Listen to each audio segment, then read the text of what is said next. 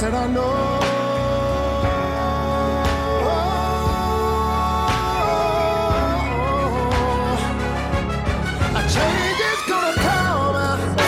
Dags för ett nytt avsnitt av Skokonomics. Skokonomics Vi sa ju att vi skulle höras om två veckor. Mm. Och nu gör vi det. Ja, det är skönt att vi är pålitliga. det är det. Eller ja, alltså det är skönt att vi är pålitliga den här gången. Det har ju varit coronaår och det. Inte alltid. Jag känner samtidigt att om man nu är en podd som kommer ut varannan vecka så kan man inte skryta kanske så mycket med att vi kom ut den här varannan veckan också. Vi börjar bra, vi, vi är stolta över det. Det är ett slappt tempo ändå vi Ja, håller. exakt. Men eh, Men vi håller det. ja, för det mesta. Det är en liten men trygg kaka. Men det är ju, tänk de här som gör ett varje vecka, det är ganska många. Det är mycket jobb alltså. Det är väldigt mycket jobb. De, men de kanske också, de kanske också får massa pengar, inte vet jag. Det var för jag har varit intervjuad av en podd som hade ungefär samma lyssningar som eh, vi har. Och jag har aldrig varit intresserad av kommersiella, men då kunde jag inte låta bli att fråga, men hur, hur fixar ni det här liksom? Och det visade att de snurrade med lite bitjänster två heltider på det. Det vart jag sjukt Ja, men det är superorimligt. Det tyckte jag med. Men de hade ju lite såna här, liksom, ja, de var i en high-end, tror jag, betalningsvilliga del av marknaden. Ja, Jag men tror- så att sponsorerna av podden då kan tänkas, alltså om man då gör reklam för saker som är dyra konsumentprodukter så Ja, eller pengar. Typ. gör reklam för pengar. Nej. pengar säljer väl sig själv. Nej, men man kan sälja som det heter sparprodukter. ja, precis. Det kan man ju göra. Mm. Ja, ja, vi i alla fall kommer ut varannan vecka. Ja, Eh, och eh, den här veckan så har du lovat att det ska bli Wonkfest. ja. Vad har vi på Wonk?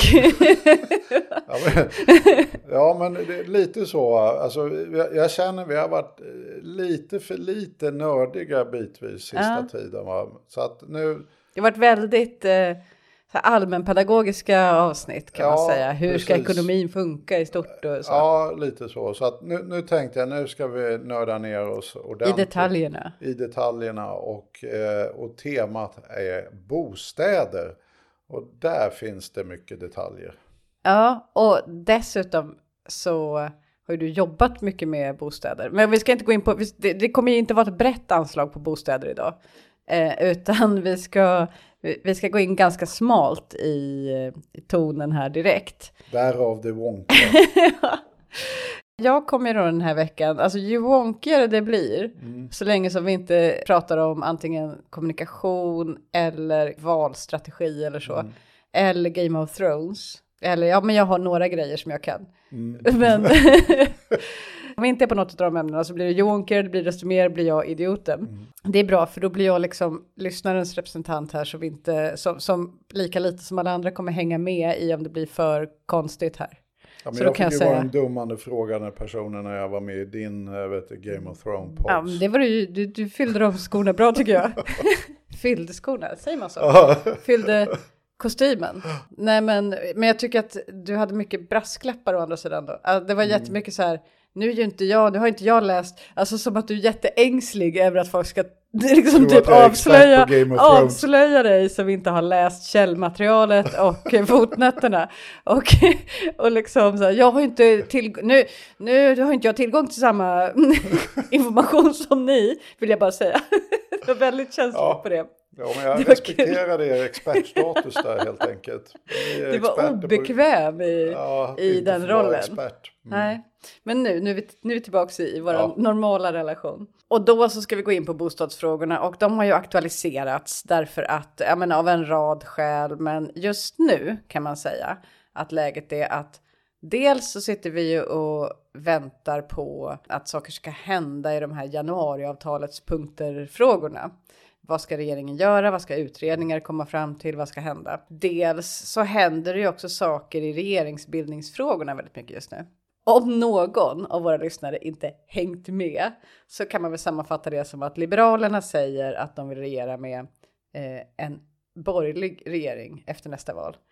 Men med det menar de, förutom att de då säger att Centerpartiet ska vara med, men så menar de att de byter konstellation till den som har formerats kring MKD SD egentligen, det vill säga en MKD-regering med stöd av SD. Den vill eh, Liberalerna vara med i. Och sen vill de helst att Centerpartiet ska byta sida också. Det blir lättare att vinna majoritet om inte annat. Särskilt Ja, som nej, Liberalerna så- kommer att åka ur riksdagen. Ja, men det, det är väl den gamla vanliga frågan helt enkelt. Så det, den hårda kärnan i det där är väl egentligen att numera kan de eh, tänka sig, eller det, rätt sagt, det återstår ett litet landsmöte och lite annat smått och gott. Ja. Så frågan är inte avgjord. Va? Men Den är inte avgjord, men Nyamko Sabuni har klargjort sina ja. ambitioner. partiledaren har varit tydlig med att hon vill regera med stöd av SD och det är väl där skon klämmer så att säga. Va? Ja, då har ju det skapat en så att säga, ny förståelse av den politiska spelplanen i Sverige. Ja. För att då vet vi att efter nästa val, då kommer januariavtalet inte att existera.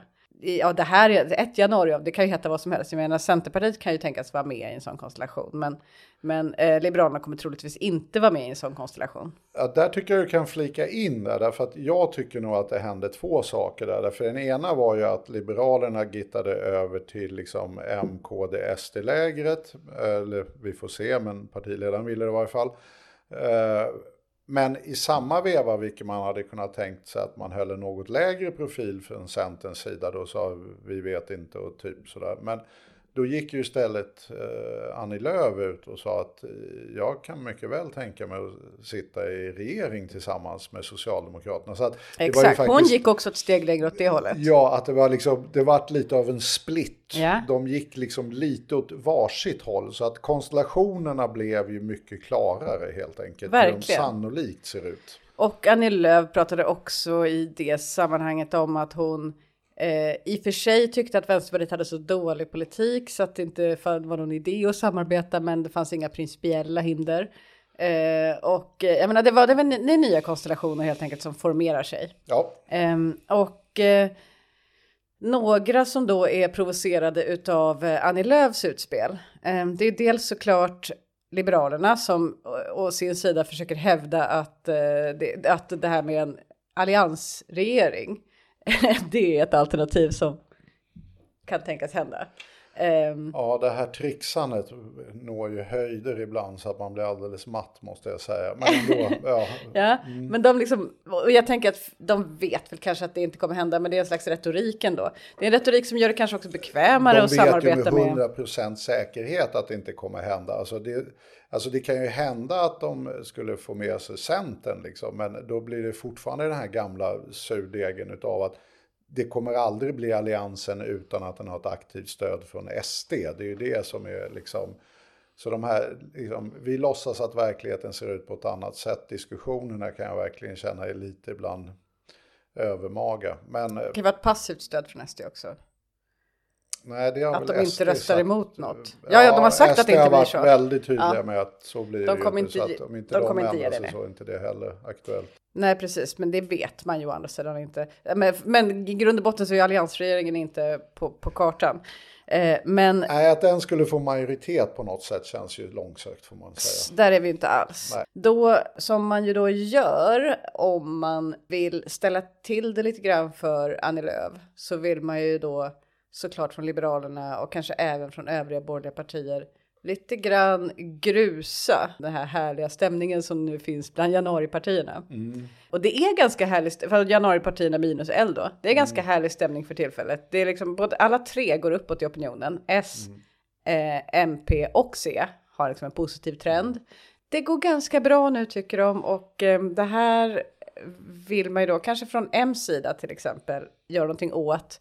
Och ett sätt att göra det är ju i de här bostadsfrågorna som nu kommer att aktualiseras som är en av de, de punkterna i januariavtalet som dels ligger ganska långt från, om man ska vara väldigt kortfattad här, ligger långt från socialdemokratisk politik att genomföra den här liberala bostadspolitiken som ligger i januariavtalet som innebär marknadshyror och så vidare. Det, det är redan en gnisslig fråga på många sätt. Eh, Det, är inte en sån fråga som S egentligen vill genomföra men fattar att det inte funkar i val och därför inte har gjort eller så, utan det här vill de inte ha. Och så är det då också en fråga som Vänsterpartiet har sagt att det här är en av våra två röda linjer. Eh, gör ni det här så fäller vi regeringen och så vidare. Vårt, vårt stöd är villkorat till att ni inte genomför den här punkten i januariavtalet. Så att det är en av de, de ömmaste tårna i januariavtalet. Om, om januariavtalet är 73 tår då så är det LAS och den här som är de jobbigaste. Då är det klart att det är väl en bra strategi kan jag då tänka mig från M att gå in och förstöra, fördärva ännu mer här genom det här spinnet som man försöker på i en artikel i Aftonbladet. Där Moderaternas bostadspolitiska talesperson som heter Bolin och någonting Karl-Olof, Kjell-Olof, eh, någonting Olof, eh, Olle, okej, Bolin. Ja, Ehm, jag, Jag stängde ner, ja, bra, hämta den så Eh, länge då. Han heter ja. Bolin, det är jag hundra på. Ja. eh, Och sen ett dubbelnamn. och han är Han bostadspolitisk. kommer inte bli smickrad av vilken koll vi har på hans Jo namn. men, jo men det tror jag. Eh, Jag tror, inte, jag tror inte att han går gatan fram här på Drottninggatan eh, i Stockholm och liksom folk bara ropar Hej Bolin till honom. Nej, men han heter just faktiskt det. Karl Oskar. Karl Oskar, inte Olof. Karl Oskar. Karl Oskar. Och alla som är då lite äldre förmodligen känner igen Karl Oskar. Så nu kommer ni komma ihåg. Ja. Precis. Ehm, ja nu kommer vi komma ihåg det fast han stavar med C till skillnad från han Utvandrarna som stavade med K. Men det hörs inte. Det hörs inte. Nej. Men om man nu ska skriva det på Twitter så. En, en av Mobergs eh, mest odödliga namn. Det här kan jag säga kommer gå totalt över huvudet på våra lyssnare. om Jag har förstått demografin.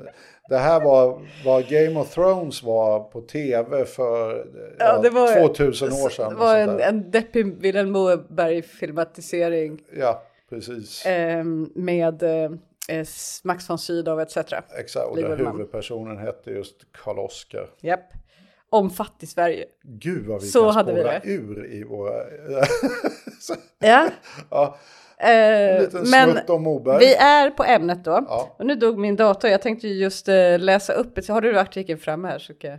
Ja, då, då skriver han så här, Karl-Oskar. Eh, Centerpartiet håller just nu på att bli blåsta på de reformer som man vid januariöverenskommelsens ingång angav som några av partiets absolut viktigaste.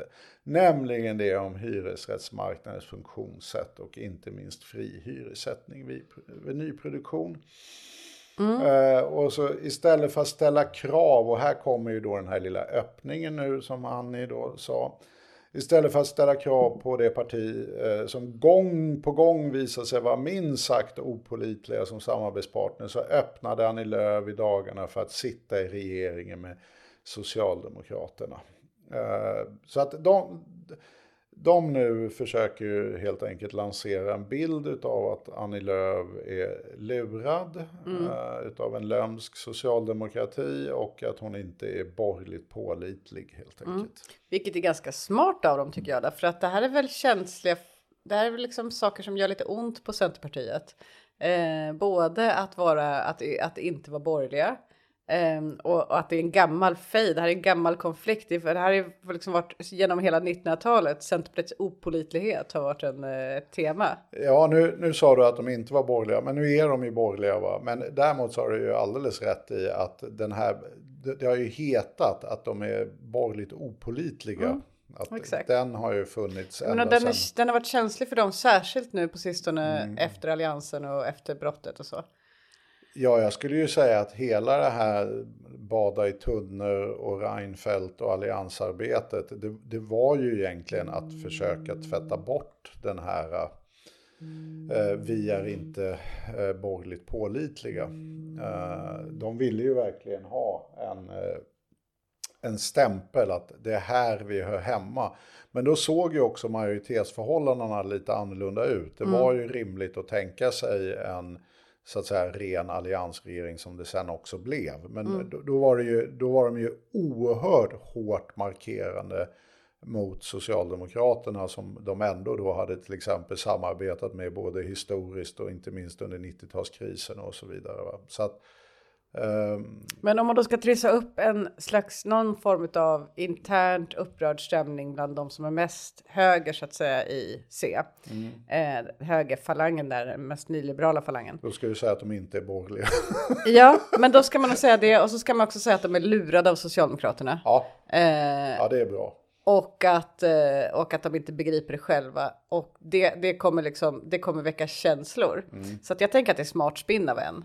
Eh, M, inte Ja, ja, vet nej, inte det, är- det, de måste ju på något sätt avborgifiera dem i den meningen att eh, liksom, det, det, det blir ju kruxigt. Det, det är ju väldigt få i Sverige som faktiskt, eller väldigt få ska jag inte ta det var lite att ta i, men det är väldigt, väldigt långt ifrån en majoritet som tycker att SD är ett bra parti. De skårar ju på det här liksom andrahandsparti och såna här saker, inte lysande och så vidare. Så att det finns ju massa borgerliga väljare som inte minst det här debaclet nu i Liberalerna visar att det finns människor med grundläggande borgerliga värderingar som det helt enkelt är otänkbart för att samarbeta med ett sånt här parti. Eh, och, om, och jag förstår ju mycket väl Centern och deras strategi. Därför att om de kan upprätthålla en, en allmänborgerlig image men i praktiken var det enda borgerliga partiet då som har den här väldigt tydliga linjen mot SD, då har ju de vad marknadsföringsfolk kallar för USP. Det blir helt enkelt, Centern är partiet för den anständiga borgerligheten. Liksom. Men det är inte anständigt att inte kunna stå upp för borgerliga principer Nej. eller att eh, typ hellre vilja regera med S än att stå upp för det som är rätt och riktigt och så vidare. Det är därför att, det eh, blir så viktigt att nu mala sönder dem som ett borgerligt parti. Att liksom, det där det är bara hejdukar till socialdemokratin eller något liknande. Bara. Därför att då minskar man ju risken att allmänborgerliga väljare skulle ändå tycka att det var trevligt att ha ett sånt alternativ. Och det här spinnet har ju funkat hyfsat. Det, det, Peter Wennblad på Svenska Dagbladet eh, skrivit en artikel med samma innehåll. Ehm, det finns väl ändå någon slags bild av på något sätt här så kommer S lura C. Och det är också en, det är en ganska bra historia för att alla som vet något om S vet att de ibland lurar folk. Så att det, det är inte en otrolig ja men så är det bara. Eh, det tycker inte jag vi behöver sticka under stol med. Det händer att, det händer att S lurar samarbetspartier. Eh, men eh, inte så att, de säger ju inte det. Men det, är- det är rätt vad det är. Så, Nej, men ibland spelar man ju schack och då gäller det att vara duktig på schack helt enkelt. och det kan man säga att S är. Ja, det är S. Eh, men eh, ligger det något i, för om man då kollar på innehållet i vad de påstår, eh, så säger de ju att eh, det inte kommer bli någonting av den här punkten i januariavtalet som har varit så viktig för Centern. Ja, men det, det, det är ju det som blir lite roligt när vi nu kommer ner till sak. Därför nu har vi ju satt det här spinnet och anledningen till att vi tar upp det här spinnet så pass eh, långrandigt är ju helt enkelt att vi nog båda två tror att det här spinnet kommer pågå ända in på valdagen. Att det är jätteviktigt för dem att som eh, Svenska Dagbladet har på sin eh, liksom, eh, ledarsida, Centerpartiet blir blåst på sin viktigaste reform och så vidare. Det där kommer vi få höra många gånger. Men, men nu gäller ju just det här spinnet och det kommer ju gälla massa frågor och grundläggande värderingar. De kommer hitta nya grejer som Centerpartiet har blivit blåst på. Uh, olika hög utsträckning konstruerade. Men det här gäller ju just specifikt då den här vet, uh, reformen eh, som då kallas då, eller den DSen. Och en DS är en utredning som görs i departementet till skillnad mot en SOU som då görs av en oberoende utredare utanför. Det blir en egen myndighet, SOU. Förvisso tillfällig sådan. Den här heter ju då Mer effektiva hyresförhandlingar. Eh, Och är en av tre som man kommer överens om i vet i januariöverenskommelsen. Eh, och vi kommer ju komma tillbaka till i andra avsnitt om de andra. Men det här handlar alltså om hur ska de här hyresförhandlingarna som de facto sker eh, kunna bli mer effektiva. Det handlar alltså inte om att ta bort hyresförhandlingarna eller göra någonting annat. Utan det Okej. här... Men ska vi backa då till de här hyresförhandlingarna som de facto sker? Eh, Hur går det till då?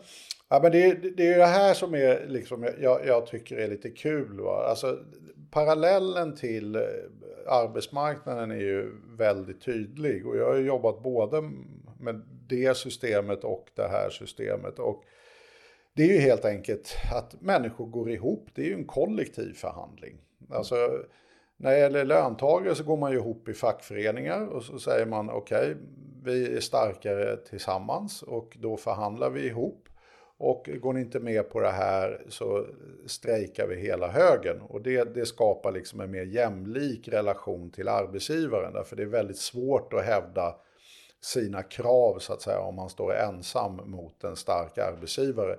Och skälet till den här, som det heter då på finspråk, va, asymmetrin i maktrelationen. Mm. Det vill säga att det är inte två parter som har lika mycket makt och då kan den parten som har mera makt kan tvinga till sig en oskäligt bra deal. Det är alltså, om man tänker sig nationalekonomiska termer så ska allting vara effektivt. Liksom. Att- Och då är det ju effektivt om marknaden då skulle ha satt den här lönen. Men i en sån här relation så blir det inte marknadssatta löner på grund av den asymmetriska maktrelationen. Därför att då kommer den som har mak- mer makt kunna pressa priset på varan under eh, marknadsvärdet egentligen. Och den som har mer makt i en, eh, i en asymmetrisk maktrelation är ju i allmänhet, om man tänker sig att det är ett förhållande till exempel, så är det ju i allmänhet den som eh, kan tänkas lämna förhållandet. Mm. Eh, om det är i en eh, förhandling om att köpa en bil så är det ju den som eh, lätt, har lättast att lämna förhandlingen. Alltså ta, om, om jag verkligen behöver just den här bilen, då blir det lätt för den som ska sälja den att pressa upp priset, för jag kommer inte gå därifrån även om priset är lite högre än vad jag tänkt mig. Tvärtom så eh, om, om den här personen är desperat och blir av med bilen när den är svårsåld, då har jag som köpare mer makt. Därför att den kommer inte lämna förhandlingsbordet. Så att alltså den som, den som har lättast att lämna ett förhandlingsbord, eller som har minst att förlora på att lämna ett förhandlingsbord, eh, har ju ett övertag i varje förhandling. Ja, men marknaden bygger ju i praktiken på att vet, de som producerar en vara då, och då, då är ju bostäder sedda här som att man producerar en vara eller en tjänst då, är ju bostäder formellt sett. Eh, att de ska inte kunna påverka priset. Det är så marknaden är tänkt att fungera. Att det finns ett marknadspris och det är liksom satt av den här beramade osynliga handen och kommer till genom att tusentals producenter och tusentals konsumenter liksom på något sätt vis möts och då har vare sig konsumenterna möjlighet att påverka priset eller producenterna. Precis det du beskriver blir ju just att man kan påverka priset. Att om man nu tar till exempel eh, på löntagarsidan så är det att om, om arbetsgivaren säger så här, nej men det, det blir inga löneförhöjningar och så har du lust att sätta hårt mot hårt och då säger du så här att ja, ja men då, då säger jag upp men då slutar jag här. Eh, om det finns massa arbetslösa så för arbetsgivaren är det så här, ja, whatever, eh, gör det. Eh, Medan däremot för den här andra personen, om vi nu tänker oss en värld utan a-kassa och så vidare, va? En ren marknad. Ja, då står man plötsligt utan att kunna betala hyran, utan att kunna försörja sina barn och så vidare. Hotbilden utav att av respektive part säger ja eller nej är liksom enorm. Va? Och det är det som skapar den här skillnaden i maktförhållanden. Och det är ju precis likadant med bostäder. Om, om du bor med din familj där och du är etablerad i området och de går på dagis och skola och du jobbar i närheten och allt det här. Då, då är ju du väldigt uppknuten till just den där bostaden. Och tänkte man då att ja, men det finns ju tusentals bostäder precis runt samma knut eh, och som jag kan ta som alternativ eh, bara över dagen typ. Eh, ja, då skulle ju egentligen den här marknaden fungera. Men alla som har minsta eh, haft eller haft minsta kontakt med bostadsmarknaden vet ju att den inte ser ut så. Eh, Och det gör den inte i något land oavsett vilket system man har. Utan det är väldigt höga transaktionskostnader för en familj att flytta och så. För hyresvärden däremot, han, han struntar ju fullständigt om det är Nilsson, Karlsson eller liksom eh, Mohammed som bor där. Va? Utan han är ju bara intresserad av att få de här, ja vad det nu är, 10 000 kronor i slutet på månaden. Så för honom är ju transaktionskostnaden givet att han kan få den där uthyrd, vilket man oftast kan få på de flesta marknader. Va? Så länge Karlsson inte håller på att kleta snus i hissen och väsnas. Ja, Så de det är, då, blir- det är liksom en viss ordning och betalningsförmåga som ska till. Va? Men eh, det är ändå den här grundprincipen att hyresgästen är kraftigt försvagad i sin relation när den står själv emot en hyresvärd. Därför att de här kostnaderna för dig att hitta ny bostad och hitta alternativ blir mycket högre. Och om man då tänker sig att man regelbundet dessutom förhandlar hyran, då kan ju i princip hyresvärden hela tiden ta ut din kostnad för att byta skola på barnen, dagis och så vidare. Om det finns eh, för få alternativ. Va? Och då får du ju hö extremt höga hyror helt enkelt i ett sånt läge. Men så funkar det ju inte idag. Så funkar det ju inte idag.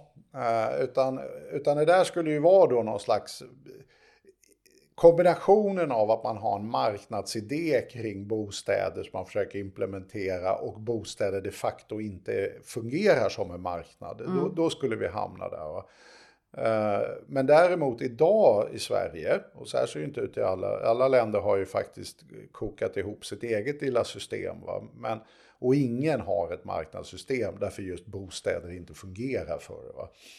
Eh, utan man har olika kombinationer av antingen då en ren marknad och sen social housing eller ja, liksom stora insatser av stiftelser eller kollektiva lösningar på vet, ägarsidan. Och så, här. så alla har liksom, och det kan man hitta i bland annat vår rapport där vi skriver om direktiven har vi gjort en sån liten länderöversikt. Liksom. Så det är ingen som har ett sånt här rent marknadssystem av rationella skäl. Men i Sverige så har vi ju löst det på vårt egna lilla sätt och det är ju att vi har liksom i princip fackföreningar då för hyresgästerna, att man förhandlar kollektivt.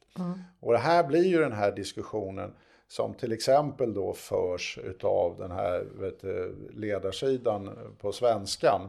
Att eh, Hyresgästföreningens lagstadgade makt över hyressättningen är en av de juridiska resterna av DDR-Sverige. Oj, det var tungt.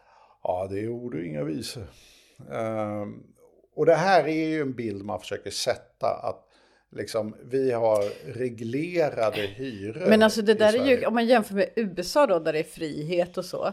Mm. Där har man ju massa hyresregleringssystem. Eh, alltså typ, Ja, men där har du ju mycket större där man, där, hyres... där liksom man går in från politiker och har liksom system för att ha billiga hyror. Så man bestämmer så här, här är hyresreglerat.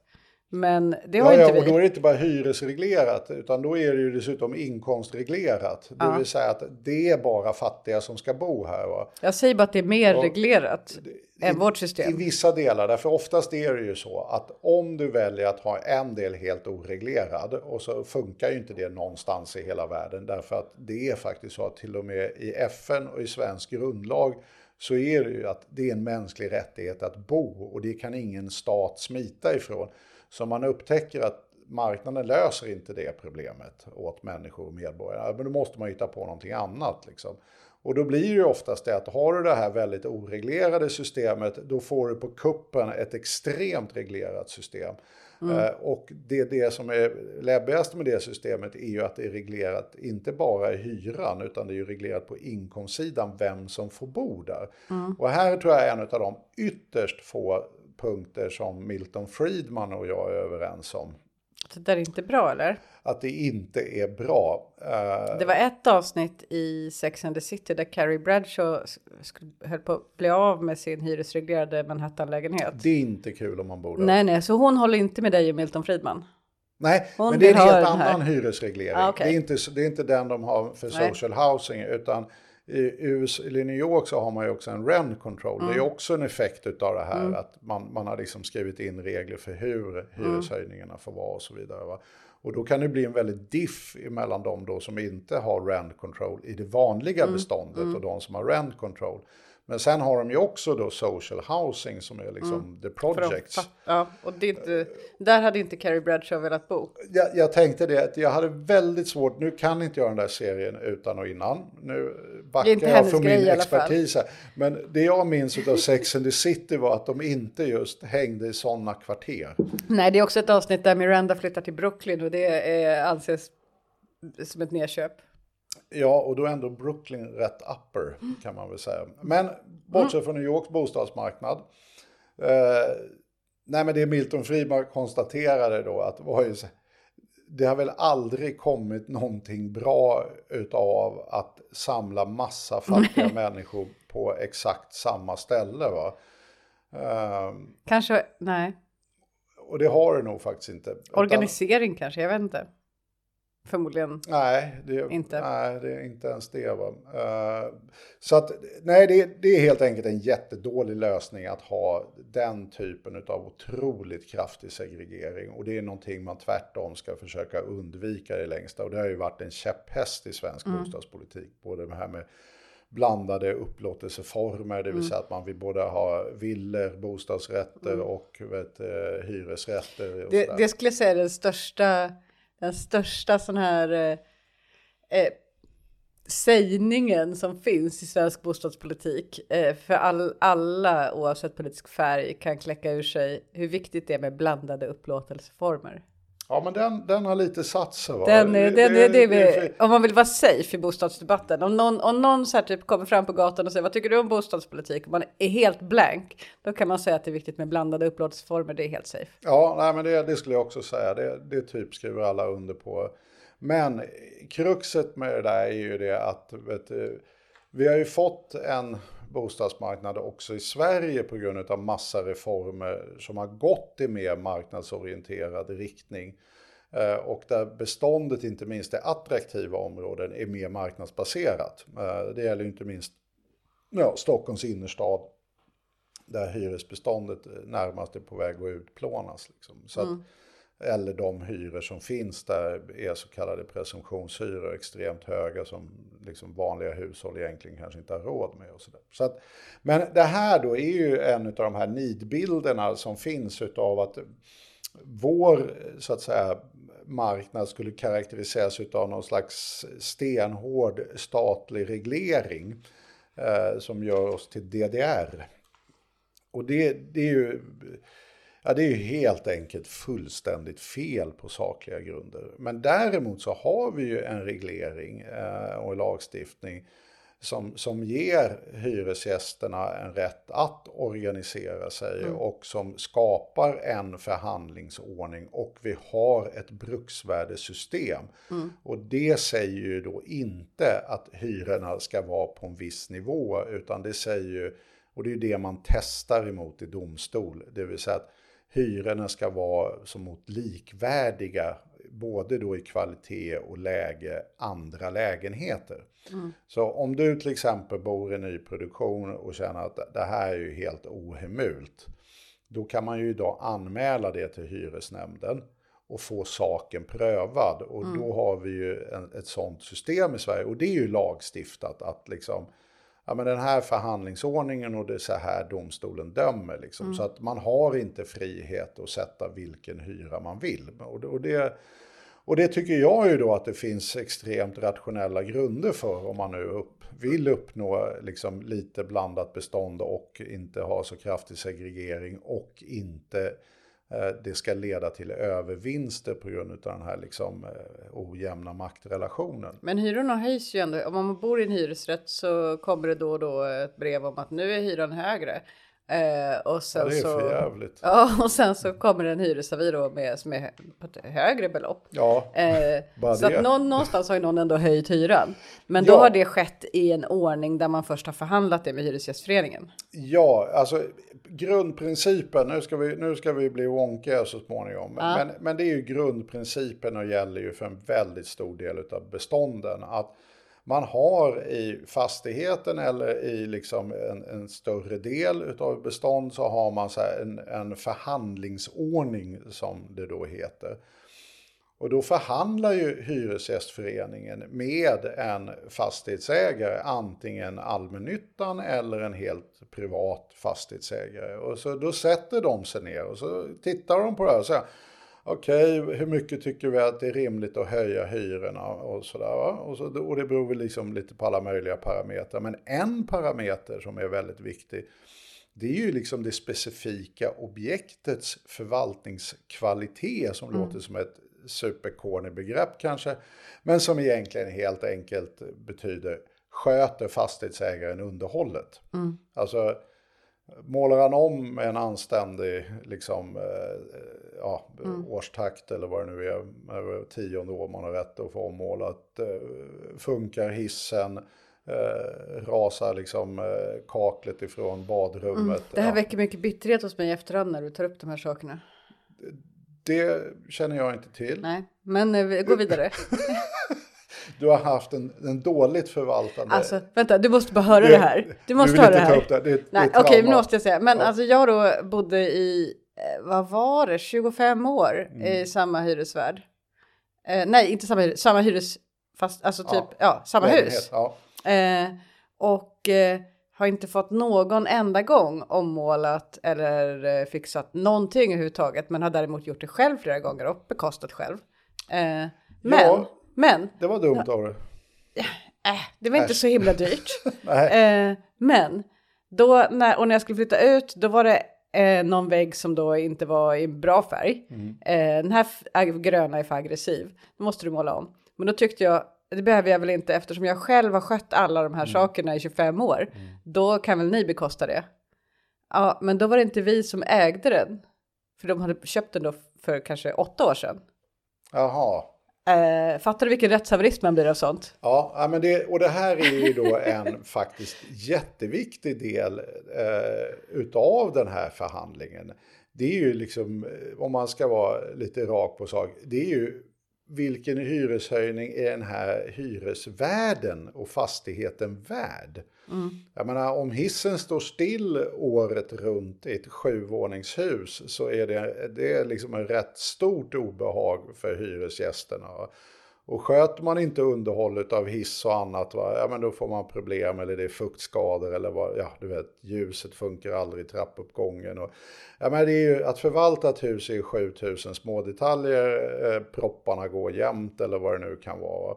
Och här har ju hyresvärdarna en skyldighet och, och det är ju egentligen fastighetsägarna också med att vi ska ha god förvaltningskvalitet. Så allt det där beaktas ju och det är ju en av punkterna i den här så kallade förhandlingsordningen. Och, det, och förhandlingsordningen är ju just en, ett dokument som säger att det här förhandlar vi om och det här beaktar vi och så diskuterar vi det där. Och då ska ju liksom slumlords ska ju liksom inte få några hyreshöjningar. Utan möjligtvis till och med i förlängningen tvångsförvalta så småningom om man missköter allt för mycket. Va? Eh, Så att det kan ju skilja mellan två hus som står bredvid varandra. Det ena får noll därför hissen står alltid still och belysningen i hallen är alltid trasig. Eh, och det är fuktskador i det liksom som aldrig åtgärdas. Medan det andra huset som har en annan ägare sköts jättebra. Då kan man ju en sån här förhandling säga att nej men det blir inga hyreshöjningar här därför förvaltningen är alldeles för dålig. Men här kan vi bjucka på vad det nu är man tycker är en rimlig höjning. Va? Så en bra grej man ska göra om man vill hjälpa sin lokala hyresgästförening det är att skicka in alla såna här grejer. Eh, alltså om man skickar in alla såna här saker som att eh, det här och det här och det här är jättedåligt underhåll. Ja, Så kan de använda det i hyresförhandlingen sen. då kan det ligga till grund för hur man bedömer vilken hyreshöjning som är rimlig. Det är ett bra tips till de tre personer som fortfarande har en hyresrätt. Ja, den är ju inte allting Stockholm. Nej, det precis. finns hyresrätter utanför rätt Det gör det. Eh, Så vi, det, det finns väldigt mycket. Eh, Det är ju en stor del av beståndet som fortfarande är hyresrätter och det hoppas jag att det kan fortsätta vara. Eh, Och, och då hamnar man i den här situationen. Okej, så här ser världen ut. Det, det finns en förhandlingsordning som är knuten till fastigheten. Man går igenom den där. Man bestämmer på liksom, objektsnivå i princip. Vad är rimligt och inte rimligt. Okej, gillar då fastighetsägarna det här? Eh, nej. Nej. Den här svenskan artikeln då, i och med att den handlar om en specifik utredning, det vill säga den här då effektivare hyressättning. De tycker ju den här ordningen är värdelös, därför de vill ju höja hyrorna naturligtvis mer. Återigen den här gamla analogin med löntagarna, att de är ju helt enkelt inte särskilt måna om de som kanske inte kommer in på bostadsmarknaden eh, idag. Utan det är ju en ren och skär liksom, retorik man använder för att frågan ska låta lite trevligare. Det är ju väldigt svårt att säga att vi vill inte ha någon förhandlande part därför det gör våra vinster större. Och det har ju också faktiskt Finanspolitiska rådet räknat ut att om vi skulle ha rena marknadshyror då skulle vinsterna i fastighetsbolagen hos fastighetsägarna öka med ungefär 27 miljarder. Så att det är inga småpotatisar vi talar om. Utan, så att intresset, vilket är relativt självklart, vi talar ju om en förening som heter Fastighetsägarna. Det är såklart att de är intresserade av att tjäna pengar på sin tillgång. Och nu håller en reglering av förhandlingen tillbaka värdet på tillgången. Jag får större vinst om det här försvinner. Och det är 27 miljarder på hela liksom, området. Och det, det är såklart att det smakar mumma. Men den argumentationen skulle vi kanske inte flyga som en eh, ja, dans i allmänheten. eh, Men ögon. om man ser det från fastighetsägarnas ögon då? Så är det i högsta grad rationellt. Ja, men också tänka så här om vi då inte bara ska utmåla dem som några som vill göra maximalt med vinst. Vilket jag tror egentligen de inte skulle ha problem med. Men, Nej, men vi det- säger inte att ja, det är det som är, utan säger vi att- säger att, de, ja. att det är ganska dyrt att förvalta fastigheter. Det krävs mycket jobb, det krävs mycket personal och så vidare. Och att, Fast eh, det beaktas ju faktiskt då, i- just förvaltningskvaliteten beaktas ju i Ja, hyresförhandlingen. ja, ja, ja, ja, men jag säger bara Ja. att eh, det här är minst inte så lätt och att eh, här, den här liksom bedömningen utav resultatet, eh, det vill säga det här, det här det ser inte bra ut. Eh, att det ska sitta någon förening och bedöma det resultatet som består av massa folk som är motståndare till fastighetsägarna. Det är klart att inte det blir rättvist när de har lagt så mycket resurser och pengar på det här. De kanske går back till och med. Här har de skickat ut 800 stycken olika jättekompetenta förvaltare som går och målar och byter proppar och sen kommer Hyresgästföreningen och säger usch vad fult det var här. Eh, vi tänker inte höja era hyror. Nej, men... Kan det vara så? Kan det vara så det går Ja, till? men alltså det, det- jag tycker en poäng har ju att det är såklart att Hyresgästföreningen och fastighetsägarna bitvis har motstående intressen. Mm. Sen så tror jag att det finns väldigt många seriösa fastighetsägare som känner att eh, jo, jo, men det här fungerar väl alldeles utmärkt. Mm. Eh, Men det finns andra som då tycker att man snarare kanske fokuserar på vinstmaximering. Och, Jag menar bara varför förutsätter man, alltså din, din och, och nu sp- spelar jag djävulens advokat här, jag kanske Ja. inte känner så här i hjärtat då. Du känner verkligen för fastighetsägarna. Eh, Men ingen gör ju det, så jag, någon måste, någon måste liksom ta på sig den här empatiska rollen.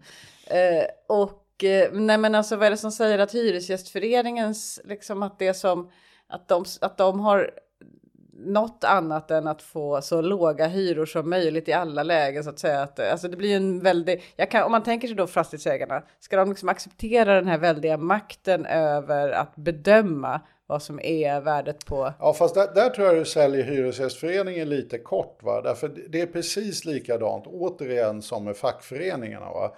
Man, man skulle ju kunna tro att fackföreningar har bara en enda tanke i huvudet.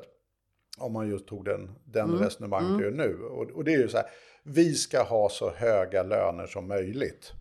Eh, I och med att jag nu själv har facklig bakgrund så vet jag att inte ens i, mellan skål och vägg så är det det man tänker. Utan det man tänker är att vi måste ju ha konkurrenskraftiga företag och inom ramen för det så ska vi ha så höga löner som möjligt. Det vill säga att vi ska få ut vår rättvisa andel. Det är ju exakt likadant på eh, bostadssidan att Hyresgästföreningen måste naturligtvis beakta att här finns det förvaltningskostnader. De här bolagen måste göra en rimlig avkastning för att överleva på lång sikt. Vi vill ha långsiktiga ägare. Så den här ekvationen, både med fackföreningar och Hyresgästföreningen, när man de facto har makten att förhandla ett pris, så att säga, den blir alltid mycket mer komplex än den blir en sån här en, liksom enkausal funktionalitet, att bara liksom, ja men vi vill bara ha maximalt ut av löner eller vi vill ha så låga hyror som vi bara kan pressa fram. Därför att om man skulle drivas av den där funktionen, ja då skulle det långsiktigt gå rätt illa. Och det förstår förhandlande parter, att det där kan vi inte hålla på Men med. är jämförelsen med facket verkligen rimlig? Därför att facket, det finns ju... ganska stora gradskillnader mellan olika fackförbund. Det var ju en tvist för inte så länge sedan med Hamnarbetarförbundet och Transport och så vidare som hade helt olika inställning till en specifik konflikt. Så Hyresgästföreningen är ju en man, förening. Om man kliver in i Hyresgästföreningen och deras olika föreningar och distrikt och så vidare så tror jag inte de heller tycker likadant i alla frågor. Okej, allihop. så det är inte som det det är. Nej, nej, nej, nej, utan det finns ju naturligtvis någon bottendemokrati och sen måste någon försöka ta någon ledartröja. Någon måste ställa frågorna, eller hur? Jag är med och det Ja. tycker jag är alldeles utmärkt. Så att nej, nej, det är två förhandlande parter. Målfunktionerna för de här förhandlande parterna är mycket mer komplexa än så låga hyror som möjligt eller så höga löner som möjligt. Va? Utan man måste beakta massa olika saker. Men däremot så har du ju rätt i det att för, för, liksom, för en fastighetsägare precis som för vissa kapitalägare utav industri så tycker de att det är en helt onödig del att ni sitter och bedömer hur mycket jag kan betala i lön eller vad jag kan betala eller få i hyra. Va? Det vill jag bestämma själv. Och, och, det Precis. Och de tycker ju då såklart att det är klart att inte jag kommer ta ut en orimlig hyra för då kommer det ingen hyra. Nej, och det är precis det arbetsgivarna Ja. säger när de talar om facket. Va? Att eh, det är ju en marknad om jag inte betalar vettiga löner. Och å andra sidan så ser vi det. Mm. Då tänker de inte in asymmetrin som vi pratade om. Nej, då tänker de inte in att världen är inte så enkel att man bara sitter där och sluter avtal och alla kan liksom hävda sin rätt på samma Och särskilt sätt. både liksom när det gäller maktförhållandena och också när det gäller nödvändigheten av att ha en bostad respektive ett arbete. Det är inget man kan välja bort riktigt. Nej, det är ju inte Eller det. man va? kan det. Men, men det, det är ett tufft liv. Men precis, men den här utredningen handlar ju liksom inte egentligen om den här stora frågan att låt oss nu tänka bort liksom eh, helt och hållet en förhandlande part. Eller, Nej, utan, Utan- utan- den handlar ska vara en effektivare hyressättning ja, då. alltså den, den här är ju i sin rubrik och i sina texter faktiskt i direktiven inte alls åt det hållet. Att, utan det, är- det är ju liksom en reformering av systemet man är ute efter för att göra det mer effektivt. Och det som är den stora då stötestenen här som inte minst fastighetsägarna är upprörda över och nu blir vi wonkiga igen. Det är nämligen det att Tala för dig själv, du blir det. Ja, jag blir Ja. wonky igen. Uh, gud, jag använder det där ordet. Det är lite bara för att jag liksom nästan har lärt Du, mig rätt ja, men du nyligen. blev ju väldigt eh, förtjust i det Ja, när, när, du lärde dig det. Ja, för det. Ja. Så tänkte jag, så, Ja, det först passar, tog jag det lite som en förolämpning och sen sa du att det var bra. Då tänkte jag, okej, då är det väl bra då. Ja. Men det var ju förr när vi var unga som det var töntigt att vara nörd. Jaha, Det är det har inte längre. Coolt. Det är coolt. Ja, vad skönt. Mm. Ehm, Synd att vi inte är unga då. Ja, exakt. Då är det bara en grej kvar. Uh, svårlöst förvisso, men ändå. Eh, nej, och då är det ju så att då har vi ju fått den här världsbilden förhoppningsvis nu utav hur det här går till. Att det, det är inte några reglerade hyror, utan det är en förhandlingsordning som är reglerad. Men nu kan man ju faktiskt tänka sig att det är någon som äger ett hus och så tycker eh, vet, eh, Hyresgästföreningen som då är den ena förhandlande parten att herregud vilket mögligt eh, liksom underhåll det är på den här kåken. Du får inga hyreshöjningar här, tar vi lite förenklat. Eh, och det tycker den här fastighetsägaren är sugigt. Uh, därför han tycker han ändå ska få hyreshöjningar. Eh, och då strandar ju förhandlingarna som det så vackert heter. Man kan helt det. enkelt inte komma överens. Nej. Och det är egentligen den hårda kärnan i den här utredningen. Att vad gör vi när förhandlingarna strandar? Och då är ju vet, hyresgäst, eller fastighetsägarnas position är, är rätt radikal här. Va?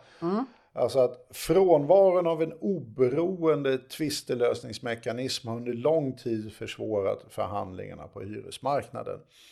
Eh, och då i princip så säger de att kommer inte parterna överens så förändras inte hyran och så vidare. Och här finns det ett aber just för vissa privata fastighetsägare. Därför det där är nämligen inte sant. Det finns en tvistelösningsmekanism. Eh, och den heter HMK. Eh, Som står för hyres... uh, hyresmarknadskommission, kommittén. Eh, och, vet, eh, och de är då ett, ursprungligen ett samarbete emellan allmännyttan, alltså det vi tidigare kallade SBAB, eller inte SBAB, eh, ja nu tappar De jag allmänna, det. Sabo? Ja, Sabo menar jag. Eh, och numera då allmännyttan har man bytt till. Va? Eh, och de har ju då med Hyresgästföreningen, därför att de vill ha en vettig ordning och förhandlingsordning, eh, så har ju de då bestämt att okej, det här händer ju, vi kommer inte överens. Eh, okej, vad gör vi då? Jo, men då har vi det här institutet som är ett part, alltså lite som Arbetsmarknadsdomstolen eller AD, liksom att vi, vi sätter ihop experter och parter där. Okej, och så inte de... som Medlingsinstitutet, Nej. utan som som AD. Ja, exakt. Ja. Mer som AD. Att de kan döma av att eh, ja, men då får väl hyreshöjningen bli det här. Och då följer man det som de har kommit överens om i det här. Ett liksom partssammansatt ja, eh, branschdomstolsväsende liksom. Ja, som då ligger utanför domstolsväsendet. Mm. Det är ju det som är poängen. Det här är ju en privat tvistelösningsmekanism. Och då kan man ju tänka sig nu då att det händer samma sak med en du, privat stor fastighetsägare som säger att ah, men det här köper inte jag så nu, nu strandar det. Då kommer vissa, till exempel nu i Hemla, Victoria Park och ett gäng andra, är ju nu medlemmar i allmännyttan, associerade medlemmar. Och då har allmännyttan liksom krav på att man ska vara långsiktig och ja, lite sånt där. Va? Eh, Men de, de är då med där. Det betyder ju att de får ju också så att använda HMK. Men vad betyder allmännyttan? Om... Det betyder inte längre att det är ägt utav enbart, eller de har rättare sagt, de har associerade medlemmar till allmännyttan som är privata värdar. Ja, för jag tänker att det, det som definierade allmännyttan var inte hur nyttiga de var utan att de eh, utan just ägandeförhållandena. Ja, och världen förändras Jenny Ja. och då gäller det att hänga med. Jag hänger med nu. Nu hänger du Nu är jag med. härmed uppdaterad. Nu finns det då Nu är det privata mycket värdar som, som är associerade medlemmar till... För att de är fina, typ, tycker då ja, de tycker ju det kanske själva eller de tycker att de... Ja, men allmännyttan tycker att de är fina nog att vara med där. ja exakt. Det här va? är inga rovdriftsfastighetsägare. Det här är inget typ som har orimligt beteende. De här tänker långsiktigt och Ja, och förmodligen eh, så tänker de som äger då att när du köper ett hus, eh, då finns det ju en förhandlingsordning i botten. Så här har hyrorna förhandlats, så här gör vi. När du köper det huset, då försvinner inte den förhandlingsordningen. Eh, och bolag då som på senare tid har köpt väldigt stora eh, fastighetsbestånd utav offentliga ägare. De sitter ju då i en valsituation att antingen ska de försöka ändra det här på något sätt eller ska de förhandla själva och att där de inte då har en kollektiv tvistelösningsmekanism eller så hoppar vi bara in i den här påsen. Eh, och då har ju helt enkelt allmännyttan öppnat upp för dem som associerade medlemmar. Och då fungerar systemet likadant helt enkelt för de här privata värdarna. Och det kan ju privata vä- värdar välja att göra. Vi, vi är med i den här tvistelösningsmekanismen som redan finns. Det vill säga HMK då. Men eh, accepteras den av andra då också? Tvistelöst. Alltså kan andra använda, det, eller det är bara de som är med i allmännyttan som kan använda den? Ja, alltså de har ju rätt att använda då HMK. Som Men om, eh, säg att eh, min gamla fastighetsvärd och Anders och Sofia Forsberg, Ja, nu namngav jag dem trots att jag gav dem dålig PR nyss här med, med den här tvisten om eh, ommålningar, men strunt samma. Det var inte snällt. Nej, alltså och då var inte att jag pekade ut personen utan så hette faktiskt, Ja, så hette faktiskt om, om du inte trampar runt i det här så är det ingen som märker det. Nej. Eh, men de kan då inte komma dragandes med Jo, de, nej, de kan inte komma dragandes utan att bli associerade medlemmar Nej. i allmännyttan. Då måste de först, men, men det tror jag, givet att de uppfyller de här, därför det är ju det det har blivit. Kriteriet är uppenbarligen då inte för att bli associerad medlem att det de facto är offentligägt, utan tvärtom är ju formen Mm. till för att privata värdar, och uppfyller de då, de är långsiktiga och det är lite olika Mm. såna här liksom, trevliga kriterier man ska uppfylla. Liksom. Eh, då skulle ju de också kunna bli associerade medlemmar. Eh, och jag fick intrycket när jag pratade med allmännyttan att de ser ju bara positivt på det. Så att det är väl inte, de försöker väl inte krångla till det. Va? Så att det finns en tvistelösningsmekanism på eh, dagens bostadsmarknad som gäller väldigt stor del utav hyresbeståndet. Ja. Eh, men sen har vi då de här kruxet då med de hyresvärdar som då inte är med. Stora privata hyresvärdar Stora privata problemet. För en hyresvärdar. enskild liten... Ja, nu är i och för sig de här Hemla Victoria Park rätt stora och bland annat det här samhällsbyggnad, vad de heter. Mm. Nej men jag tänker så här typ att samhällsproblemet kanske inte är Anders och Sofia Forsberg då som har bara ett hyreshus. Eller en, en liksom. Nej, fast- nej, men det är, ju, det är ju inte det, utan det är ju naturligtvis eh, större värdar som har många hus. eh, Och, som, och då finns det ju oftast en förhandlingsordning i äldre hus där man förhandlar med Hyresgästföreningen. Då är det ett krux för fastighetsägarna. Därför att då, då ska de sätta hyran och då kan de gå då till riktig domstol. Och även om det nu heter hyresnämnden så är den en del av den officiella legala strukturen i Sverige. Det är en domstol helt enkelt. Jag har aldrig begripit varför de inte kallar det hyresdomstolen, men det har säkert någon av lyssnare koll på. Men den heter hyresnämnden. Men den, den, den är ju så att säga offentligt rättslig på det sättet. Och då kan de, men det kan, de kan inte gå till hyresnämnden och säga döma av emellan oss och vet, eh, Hyresgästföreningen som HMK kan göra. Utan då blir det ett ärende med varje enskild hyresgäst. Därför det är så det svenska rättsordningen funkar idag. Att då är det en fråga mellan hyresvärden och den enskilda hyresgästen. Men det, skulle också, det är också ett system i så fall som man kan använda om man inte är nöjd med Hyresgästföreningens eh, förhandling. Det är precis Om det. man säger liksom, "Det- äsch, de här har inte tillvaratagit mina intressen ordentligt. Jag tänker ta det här själv till hyresnämnden. Det kan man göra. Hyresnämnden är typ open source för alla. Va? Så att, och, det hyresnämnden gör, vilket då irriterar fastighetsägarna.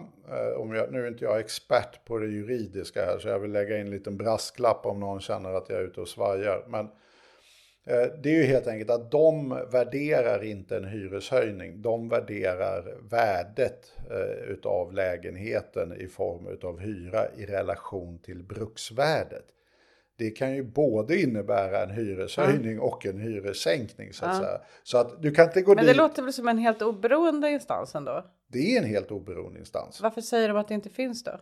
Ja, men den finns inte på kollektiv Nej. nivå. Alltså en strandad förhandling kan inte de gå idag till hyresnämnden och begära att döma av emellan oss. Utan landar i hyresnämnden, Mm. då blir det en, en fråga för du, bara hyresvärden och varje enskild Mm. hyresgäst. Så när det är enskildheter då hamnar det där. När det är de stora förhandlingarna i, allmännyttan eller associerade medlemmar då, då finns det ett system. Men när det gäller till exempel Einar Mattsson så gör det inte det. Nej, det, det är precis så det är. Va?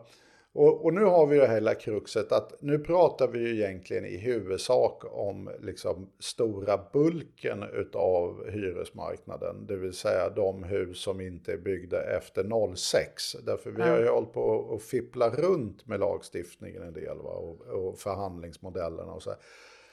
06 fick vi ju någonting som hette presumtionshyror och sen så öppnades även lagstiftningen upp.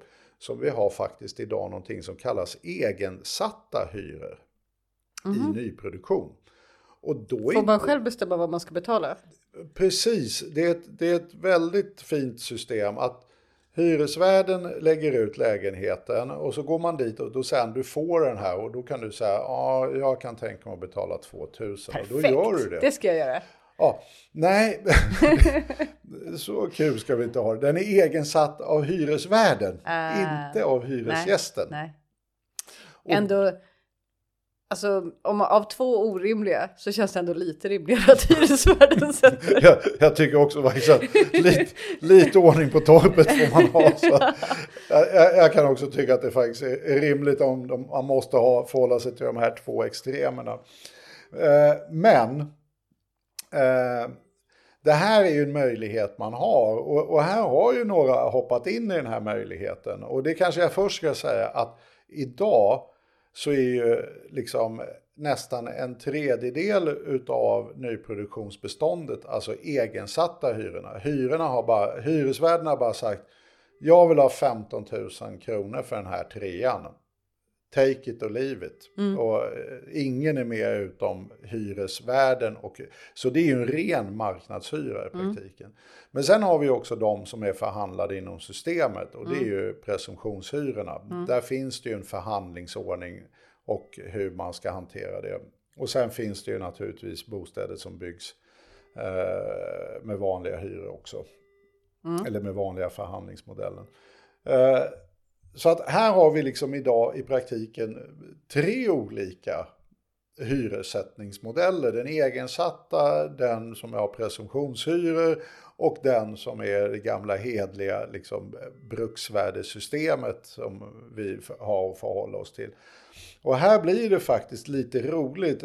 Einar Mattsson som du nämnde tidigare, de har ju vet du, tyckt att det här var ju kul och de, då känner de så här, förmodligen någon sån här kommunikationsmänniska misstänker jag starkt, satt där på Einar Mattsson. Jag är inte riktigt säker på att de inte sköt sig själva i foten, men då tyckte de, "Vi- nu ska vi lägga oss i den här debatten. Det vore i och för sig typiskt fastighetsägare att just skjuta sig i foten. Ja, det här är, en, det här är en, en grupp som PR och lobbymässigt har lite dålig liksom, uppfattning om hur de ser ut.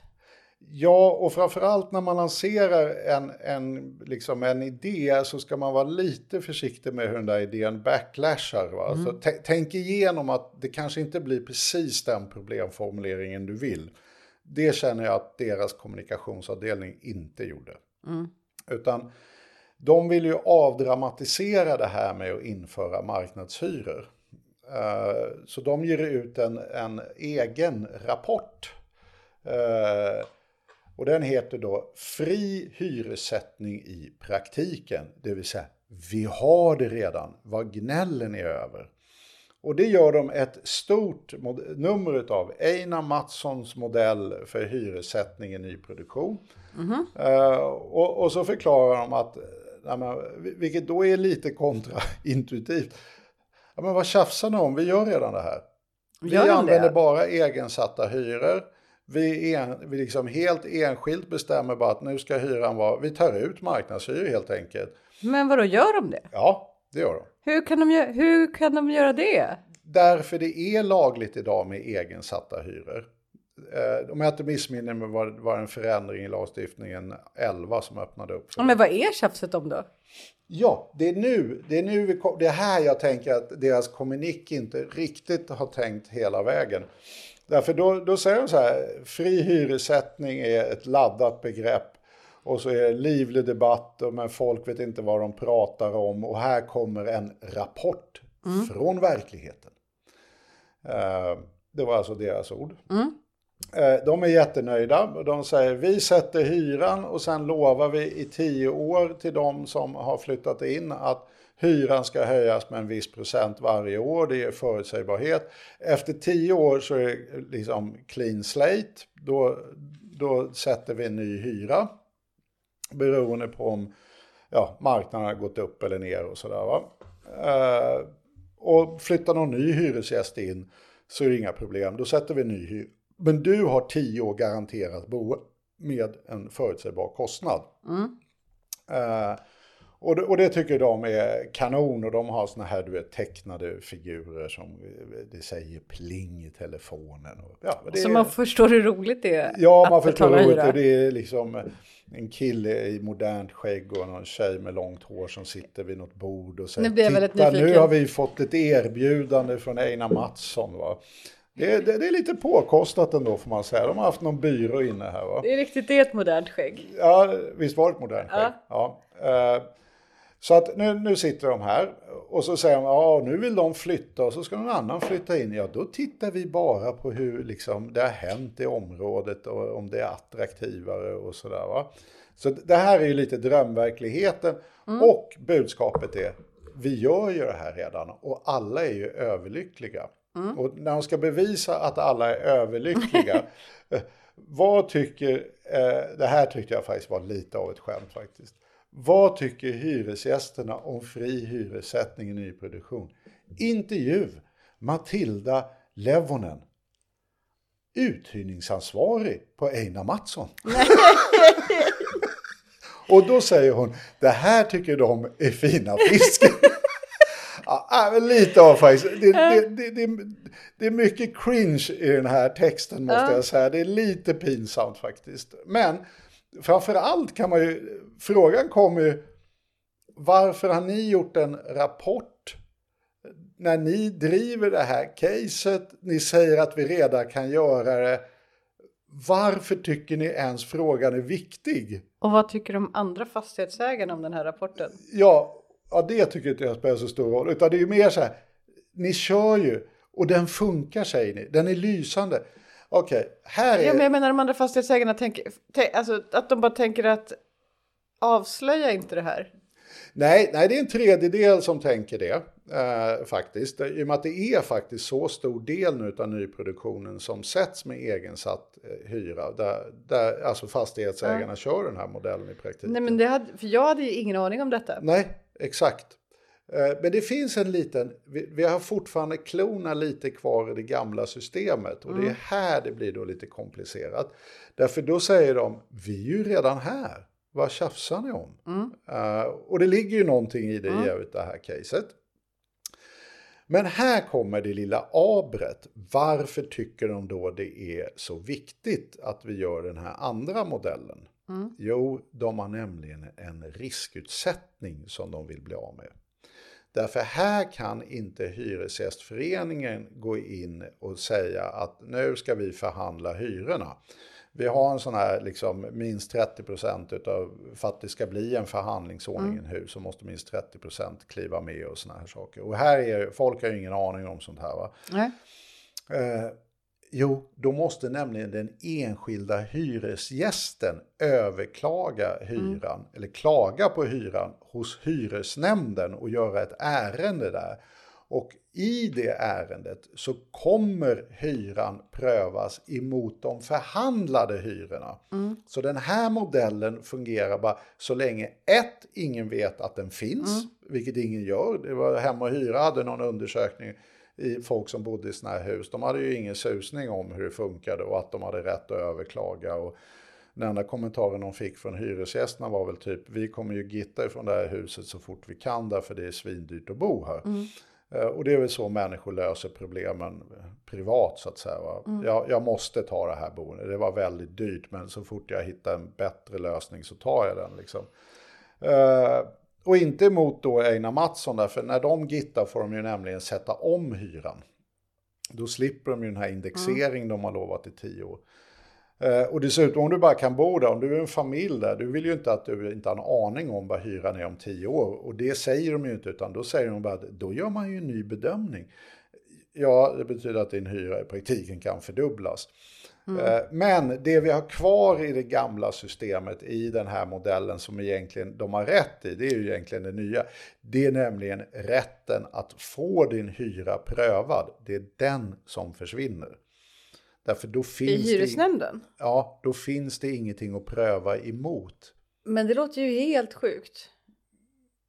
Att man inte ska Nej. ha någon slags... Ja, men någon slags rättighet har du ju säkert. Därför det har de ju sagt även i den här nyproduktionsutredningen som vi förvisso ska prata om mer sen. Att det ska finnas någon form av besittningsskydd. Så att det finns säkert saker man kan pröva även Någon i slags nya... rättssäkerhet ska man Ja, ha. och de ska ju ha tariffer och grejer. För det låter ju och... helt knäppt ifall liksom eh, Einar Mattsson säger nu är hyran en miljon.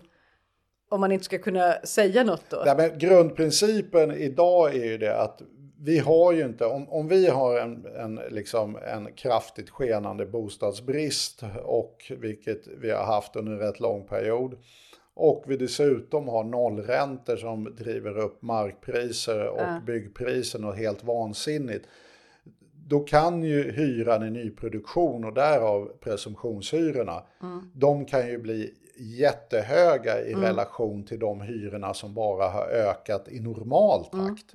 Eh, och det här, i det här fallet, så om vi skulle ha det nya systemet så skulle den här liksom, jätteinflationen på hyror ha hänt eh, på tio år och man har någon tariff och någon ny ska flytta in, ja då säger man det, jo jo men alla hyror har i den här typen av bestånd har ju dubblerats som är marknadsprissatta, därför då skulle ju marknadsprissättningen i den modellen handlar ju om just det som är nyproducerat, då sätts ju alltid till prislappen av nyproducerat.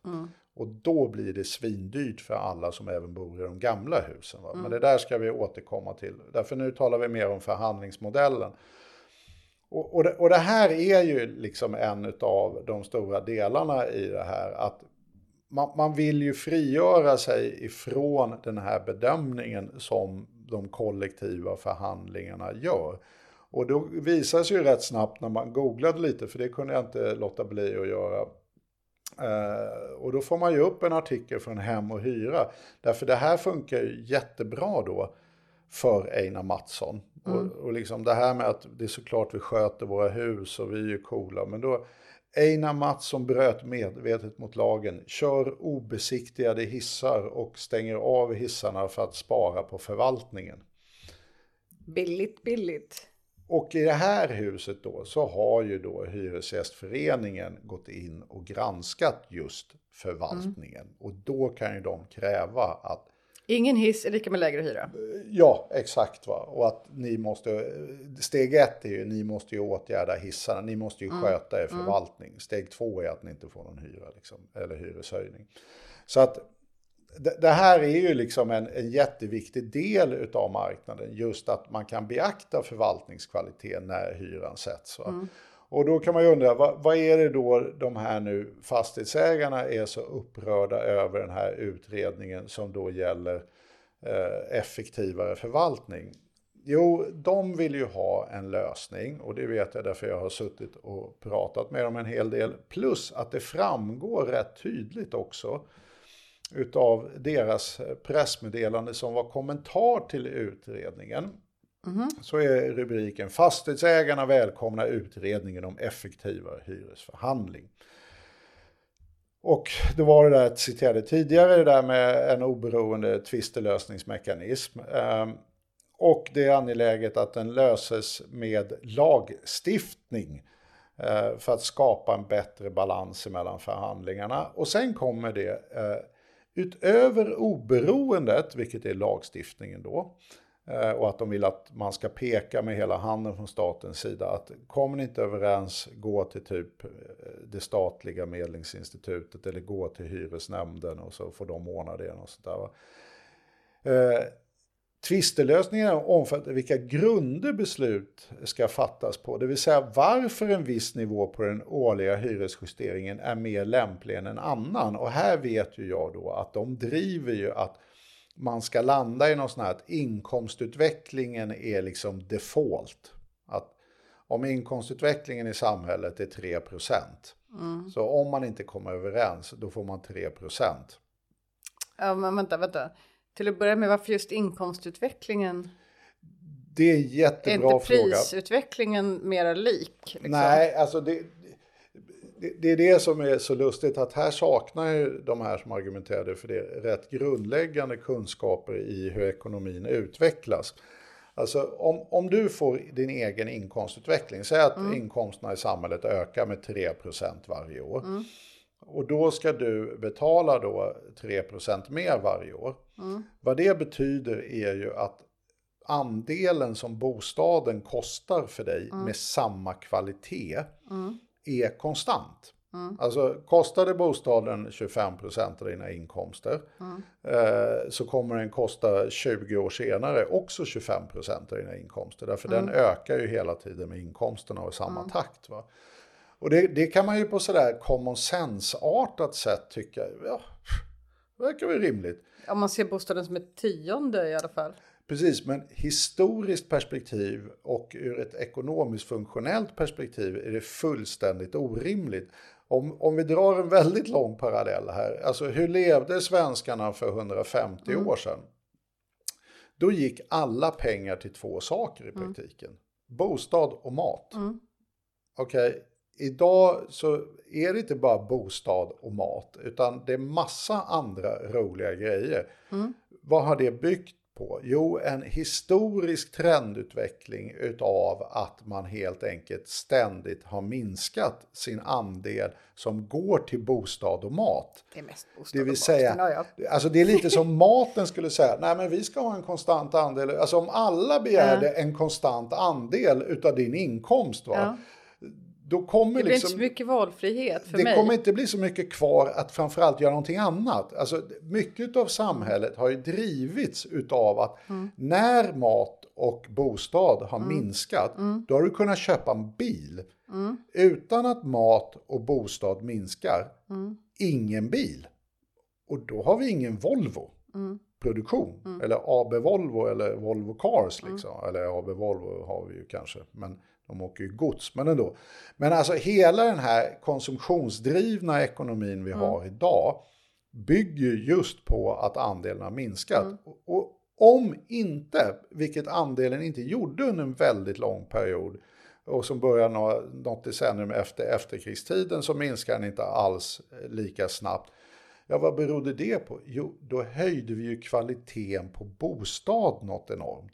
Men då var det ju andelen konstant. Men vad det speglade var ju bara att vi köpte fantastiskt mycket mer bostäder och bättre kvalitet. Vi gick ifrån ett rum, en familj, utedass på gården till liksom idén om alla ska ha varsitt rum och ett gemensamt rum och toalett och grejer inomhus. Va?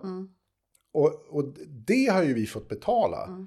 Det vi betalade med var att vi konstant höll andelen.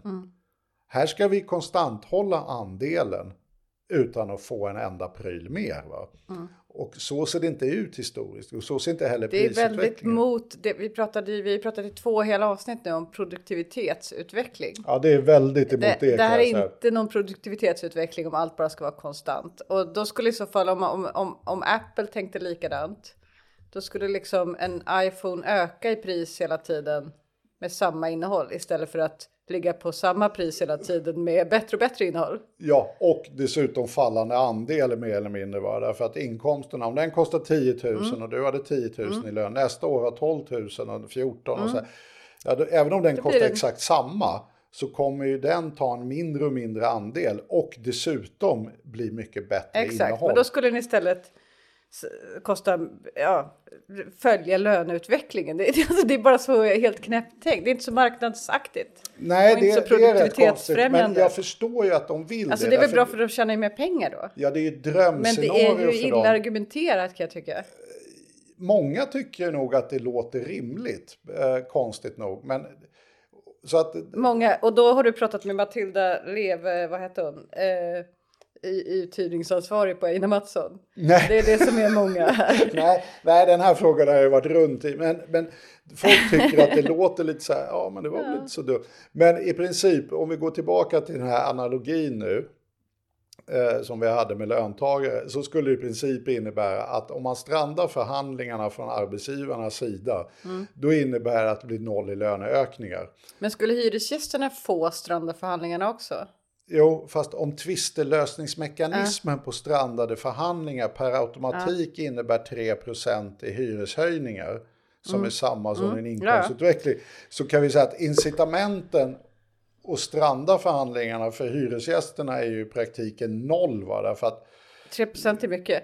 3% är jättemycket Men- och men jag dessutom tänker att om så vi kan de ju skulle- Mm. bara få med, om de går med på 4 då är det så här, okej då strandar vi inte. Det är väl ett läge där om man skulle göra bedömningen att bostäder kommer vara en sån sjukt bristvara att eh, liksom alla andra alla andra system kommer vara mer eh, liksom skenande bostadspriser eh, än det. Men, eh, men så ser det inte riktigt ut. Ja, men framförallt så är det ju så att jag menar, då får man väl helt enkelt, därför i och med att bostäder nu inte är en marknad, då måste, bostadsbrister måste ju lösas på egna meriter. Det här kommer inte påverka bostadsbristen överhuvudtaget. Nej. Det kommer inte byggas en ny kåk utav det här. Va? Så att den, den får man nog ta en separat lösning på.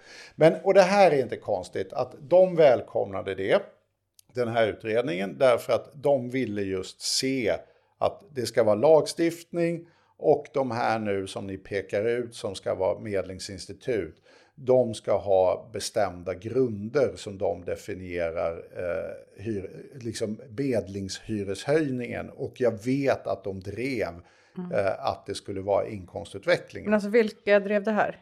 fastighetsägarna. Eh, Och det är ju inte konstigt för dem. Alltså det, det är ju liksom, om, om vi strandar förhandlingarna så får vi över tid jättehöga hyreshöjningar. Det, det är väl ett lysande koncept om man nu representerar fastighetsägarna. Och nu känner ju de att den här utredningen har ju kommit nu, den har dock inte gått på remiss och man får begära ut den enskilt ifrån justitiedepartementet. Men då är ju storylinen nu och då kommer vi tillbaka efter en lång vonkig resa eh, tillbaka till spinnet. Jag undrade just hur du skulle komma tillbaka till spinnet. Ja, men det gör vi nu va. Därför nu är ju spinnet då att de har blivit blåsta. Centerpartiet har blivit blåsta. Centerpartiet har blivit Inte blåsta. fastighetsägarna. Nej, men ja. Det är ju det som är grejen. Centerpartiet har blivit blåsta därför att de ska förmodas tycka exakt samma sak som fastighetsägarna. Va? Mm.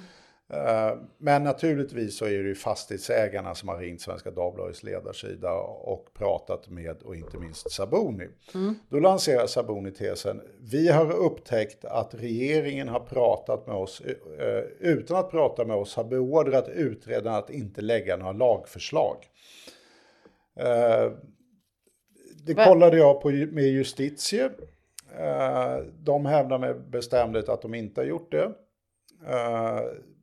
Utredaren verkar vara eh, någon slags go-between emellan Sabonis tolkning och justitiets tolkning. Så men så att det är lite oklart vad regeringen har sagt eller inte. Men de, justitie säger i varje fall att de inte har sagt det. Va? Men det som är lite lustigt i det här är ju det att Saboni kan ju inte vara så här upprörd om hon hade brytt sig om att läsa direktiven. Eh, Till nämligen- den här utredningen. Till den här utredningen. Det har nämligen jag gjort, Såklart. naturligtvis. Eh, du lovar väl att vara nörd är lite ballt idag? Va? För jag känner att jag bara blir väldigt nördig. Eh, då står det nämligen så här. Vid hyresförhandlingslagens tillkom motiverades denna lösning med att förfarandet vid strandning inte bör vara utformat så att det minskar de förhandlande parternas vilja att träffa en överenskommelse. Jag fattar inte vad du läser. Jag läser ur direktiven. Ja, men jag, jag, jag vad, men jag fattar inte vad det betyder. Det betyder, du kan inte göra en tvistelösningsmekanism där det, det, det är mer attraktivt att gå till tvistelösningsmekanismen än det är att förhandla. För då reducerar man nämligen parternas vilja att komma överens. Så står det i direktiven. Nej, det var min tolkning utav Ja, direktivet. men jag menar det är direktiven. Det är du menar att direktiven. det är direktiven. Ja. Och Saboni menar... att det här skulle ha landat i lag, med nödvändighet i lagstiftning. Och det är väldigt, väldigt konstig tolkning av de här direktiven. Därför att eh, de betonar väldigt starkt, alltså tyngdpunkten behöver i framtiden ligga på parternas förhandlingsarbete. Det är därför viktigt att en möjlighet till tvistelösning inte minskar parternas vilja att komma överens. Eh, och så vidare. Och sen så skriver de ett skiljeförfarande utgör ett sorts privat rättsskipning som grundas på avtal mellan parterna. Typiskt sett finns det en så kallad skiljeklausul som anger hur eventuella tvister ska lösas.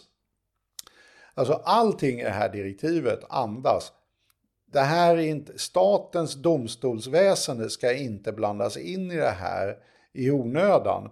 Och att ni bör i er förhandling, precis som man har då på allmännyttans sida med hyresgästförening, där har man en så kallad tvisteklausul. Att man säger så här, okej, kommer inte vi överens om hyrorna så skickar vi till HMK och så får de bestämma vad det ska bli. Och, och allting i det här tycker jag andas just att ni får se till att skriva in en sån här vet du, klausul.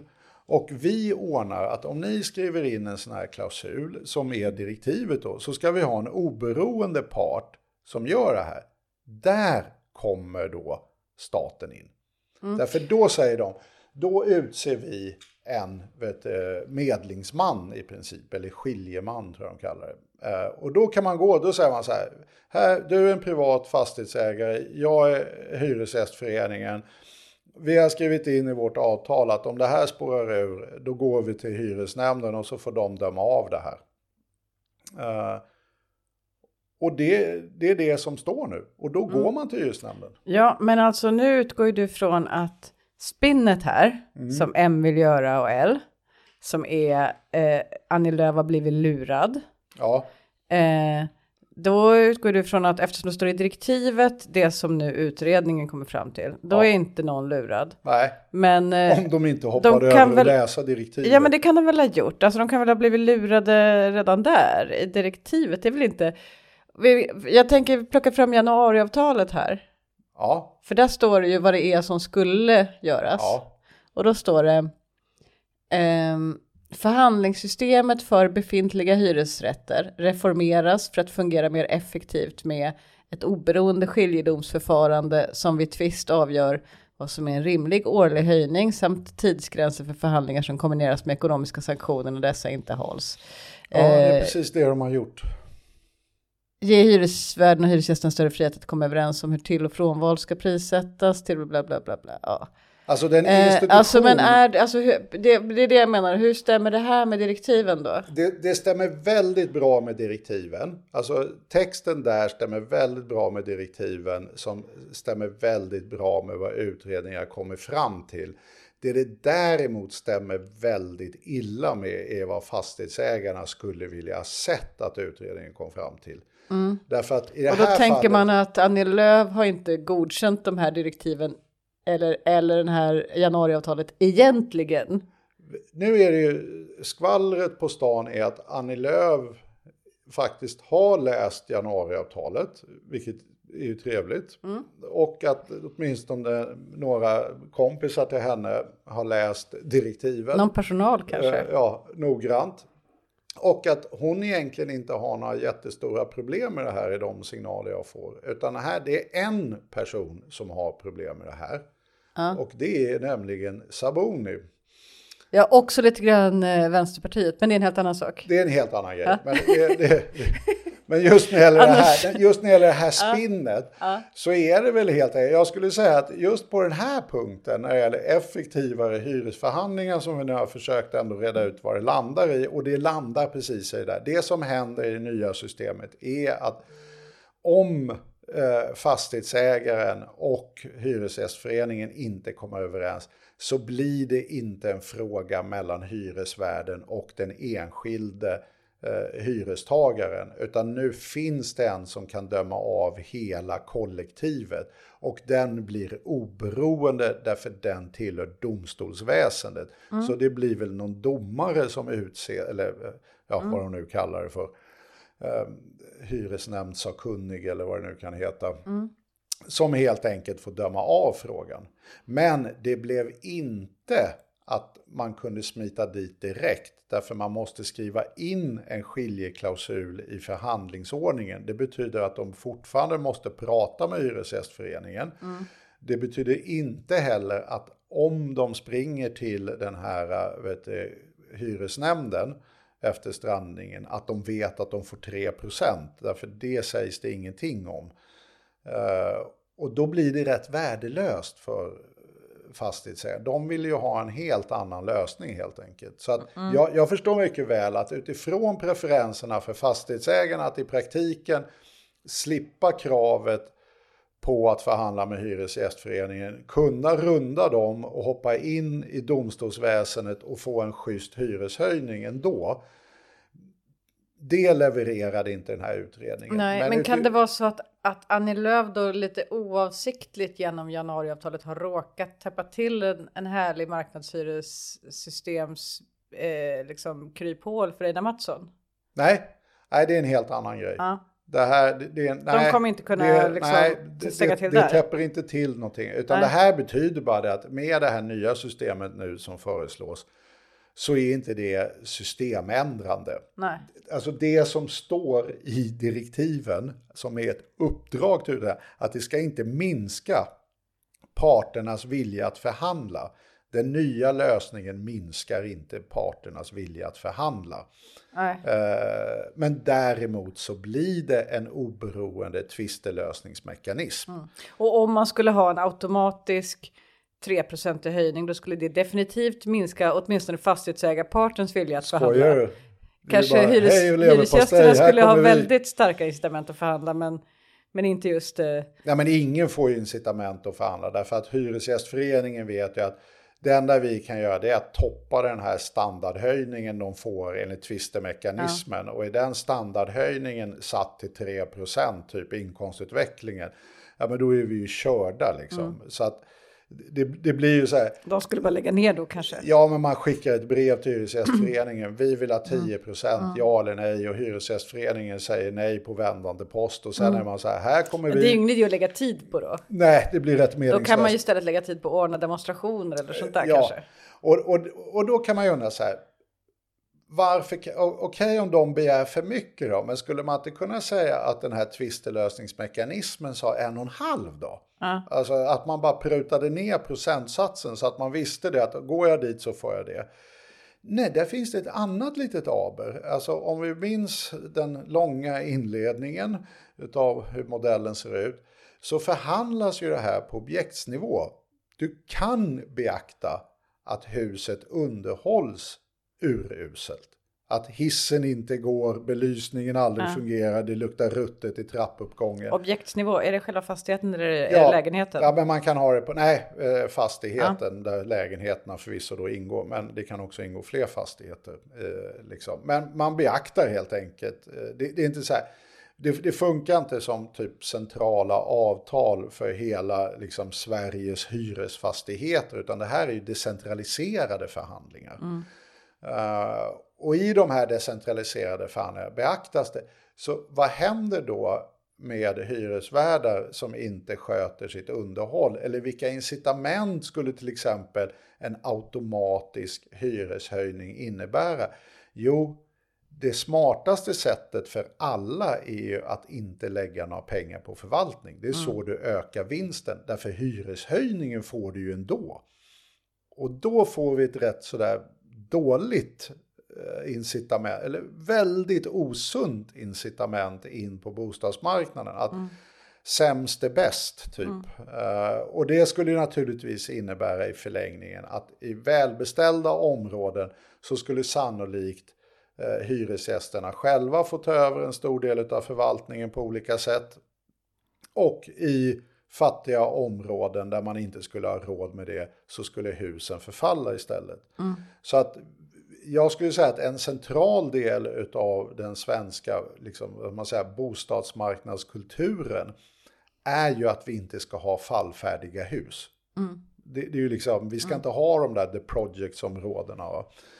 Uh, och då ska man inte heller skapa incitament som belönar den som för, förvaltar huset sämst. Det låter ju inte som att eh, om man skulle tänka, som att någon skulle vilja ha det så om, om de tänkte igenom det. Det beror lite på vem som tänker igenom det. Ja. Alltså, som fastighetsägare så får man... Ja, okej, okay, men någon, inte ens en borgerlig politiker så att säga. En, jag, jag, tror nog det finns en och annan borgerlig politiker som skulle tänka att det här vill jag visst ha, men som inte skulle förstå vad det innebär. Mm. Alltså det är det som ja, är kruxet. För att, för, att, för att om man pratar med fastighetsägarna och det gör ju kanske en del borgerliga politiker. De. Då kommer inte de presentera det på det här viset. Nej, de kommer ju... De kommer ha den här illustrationen på den här killen med modern skäggfrisyr och så, som är glad. Nej men det är ju verkligen så. Och dessutom så är det naturligtvis så att som de själva eh, beskriver det i sitt så att säga glädjande eh, mottagande utav eh, den här direktiven när de kom och att utredningen skulle tillsättas. Att de beskriver det i termer av att vi vill ha det här oberoende lagstiftningen, att man säger det, strandar det så är lagen som har bestämt det, då behöver inte vi bry oss om eh, Hyresgästföreningens liksom förhandlingsordning, den vi har med dem. Vi behöver inte skriva in en skiljeklausul där och sådär. Så att vi hamnar direkt där, ja, och sen det här som de säger då på slutet, utöver oberoende nödvändigtvis även omfatta vilka grunder besluten ska fattas på. Och det där är de alltså ute och fiskar, alltså vilken nivå på den årliga hyresjusteringen är mer lämplig än en annan. Och det är ju där de är ute och fiskar efter sina automatiska hyreshöjningar vid en tvist. Mm. Och det vet jag att det de vill ha är egentligen inkomstutvecklingen, är det de strävar efter där. Och då låter det ju inte stumt Jo, men kommer vi inte överens så får vi något sånt där medelvärde på inkomstutvecklingen och så vet vi det och så är det transparent och ja, du vet så här. Alltså man säljer ju inte som att oj vilka osunda incitament vi skapade för förvaltningskvaliteten här. Nej. Men en del av det här spinnet är ju inte om eh, det här förslaget egentligen, utan en del av spinnet är ju också att man lite grann låtsas som att hela den här punkten i januariavtalet står på spel. Eh, även i den del av utredningen som vi inte har sett än.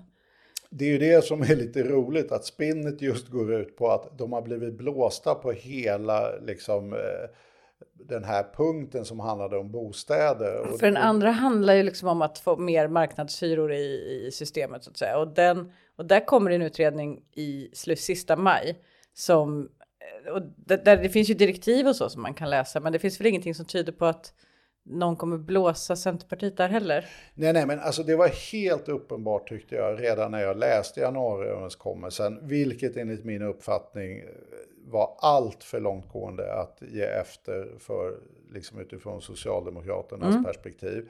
Men de här två första utredningarna, för det är ju tre utredningar, dels den här då om mer effektiva förhandlingar som handlar om tvistler, det känns som så här, ja, givet vad, man, vad som står där och så vidare så borde det där inte bli någon eh, liksom, kossa på isen utan någon större dignitet. Eh, det är inte systemförstörande så att säga. Och den andra var ju den om lägesfaktorn. Att alltså, Stockholms innerstad ska kosta ännu mer än vad den gör idag i praktiken. Och där har man ju redan laborerat med olika modeller. Och så, här. så båda de där upplevde jag byggde egentligen på det existerande förhandlingssystemet och syftade till att putsa på det.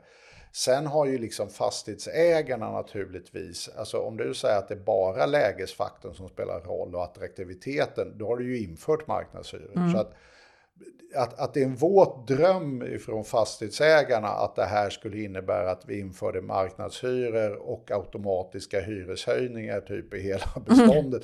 Det är inte så konstigt. Men det, jag, jag upplevde inte de här texterna och sen när direktiven kom att det var inte det det var. Det här var slipa på systemet och få det liksom lite mer som ja, fastighetsägarna vill, men inte hela vägen. Så att säga.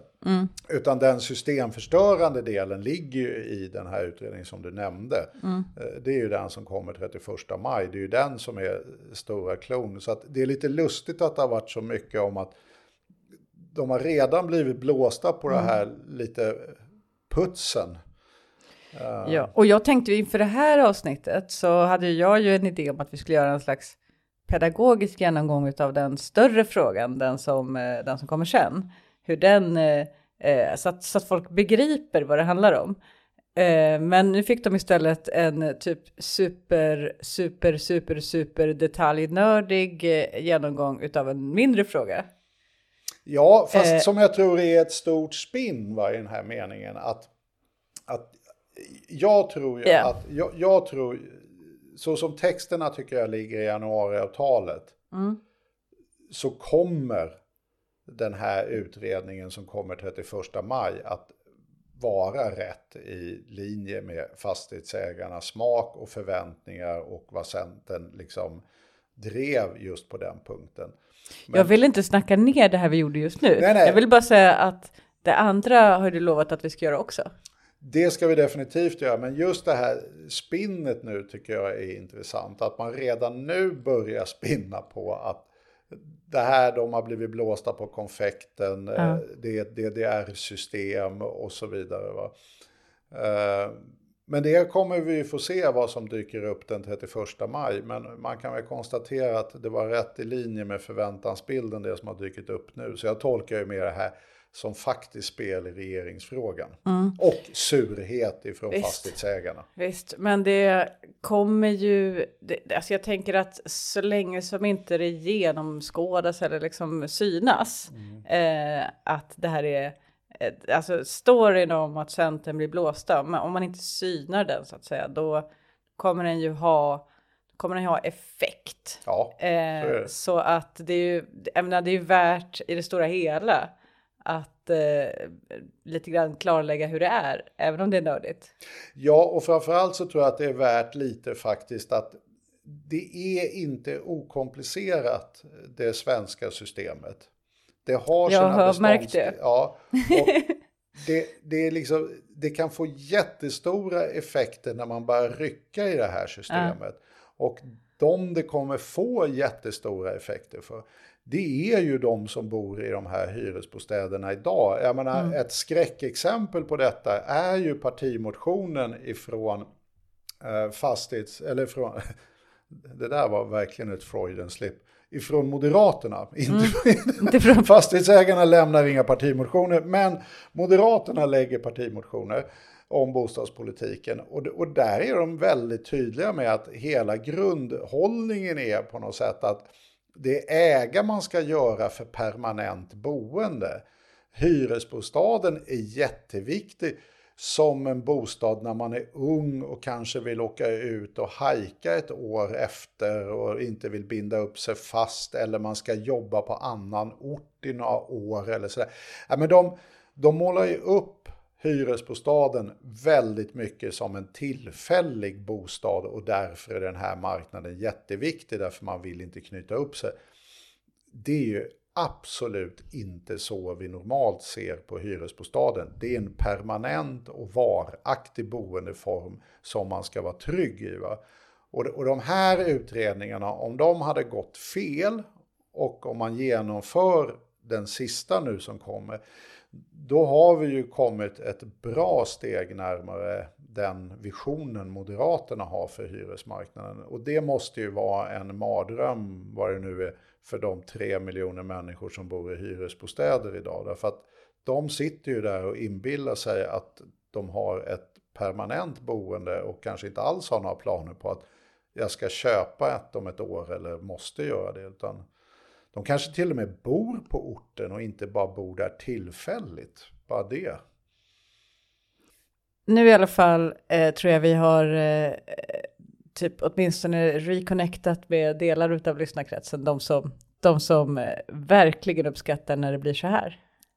Ja, och vi, glöm inte att vi hade ett om faktiskt kommunal skatteutjämning som vi dömde ut fullständigt. Som, Ja, just två det, som- timmar om kommunal Ja, men vi, döp, vi döpte väl avsnittet till allas mardröm. Ja, Eh, två timmar om kommunal. men det vart ju jättepopulärt. det blev ju det. Men va? också Så- att vi hade Po Tidholm i det. Men Ja, eh, Ja, det det, var ju hade vi inte li- den här gången. Vi Nej, det hade vi på inte. det. Men eh, vi, får, vi, får, vi får ringa på. Ja, vi får ringa på.